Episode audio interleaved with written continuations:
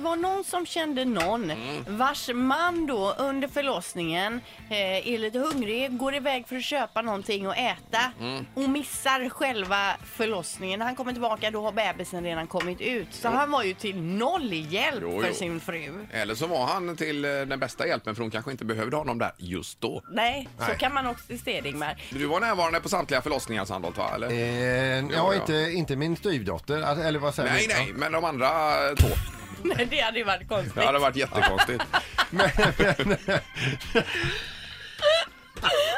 Du hade sprungit där inne i förlossningen. Ingen visste vad Ursäkta, jag ska ändå bli styvpappa här så småningom så att... eh, Nej, men jag har ju den här utan några bekanta där, där hon eh, skulle eh, ha deras första barn och eh, han sitter bredvid. Hon är på riktigt dåligt humör, skriker och är jättearg va? Ja. Och han blir mer och mer nervös och helt svettig i pannan. Till slut så vet han inte vad han ska göra så han böjer sig fram och pussar henne på pannan och hon vänder sig om till honom och säger det. här, Vad fan håller du på Är du dum i huvudet eller? Ser jag ut att behöva en puss just nu?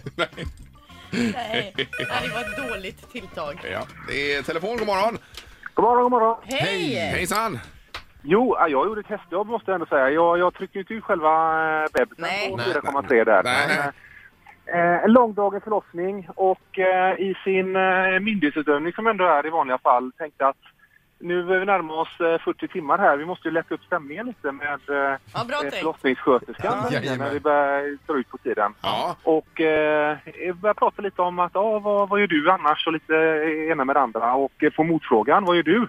Ja, men jag jobbar som polis i vanliga fall. Ja. Och det skulle jag inte ha gjort. hej då. Då eh, förlossningssköterskan hade något form av agg där och eh, tog upp Osmo Valdo-ärendet. Oj, oj, Och, oj! eh, vilka, vilka svin vi var och eh, hur illa vi beter oss ena med det andra. Åh herregud. Under pågående förlossning. Ja, ja. Herregud. eh, Tjejen låg ju och krystade där och drog lustgas. Och, eh, Och du ganska satt på lång och rättegång.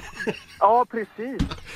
Det blev upptryckt där nästan och eh, eh, det blev nästan en timeout där till slut. Oj Men Det då. var en, en diskussion som hette duga och den var jag inte riktigt beredd på. Nej, och det var väl Nej, inte det var- frugan så nöjd med heller att fokus eh, liksom togs från henne till dig. Ja, precis. Och jag tyckte det var ganska skönt på ett sätt. För jag menar, jag har aldrig fått så lite uppmärksamhet under de här 40 timmarna vi var inne i Nej. Nej, nej, förlossningssalen nej, där. nej, nej, just det. Så man Ja, måste ja. ändå göra sitt bästa för att få lite uppmärksamhet. ja, det är klart. Men det gick bra till slut i alla fall. Ja, ja, ja. Gjorde det, ja, ja. Två Fantastiska krigare fick vi till slut där sen. Ja, ja, det är Ja, underbart. Tack för en underbar story. Ja, ha Tack, det bra nu. tack. Detsamma. Det är bra, samma. Hej, hej. Hej. Hej, vi tar Josefin också här. Hallå!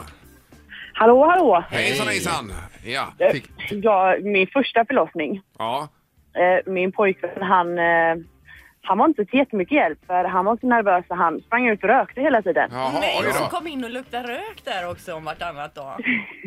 ja, men sen hade jag min mamma med också och Ja. eh, hon var till jättebra hjälp faktiskt. Ja, men okej. min pojkvän, han var helt värdelös. Ja. Men hjälpte din mamma till att ta hand om honom också? Ja, hon fick, hon fick faktiskt hjälpa honom och lugna nerverna lite och Ja. säga till honom att nu är det dags att gå ut och röka innan du... eh, Ja, det var morsan Och- som skickade ut honom kanske.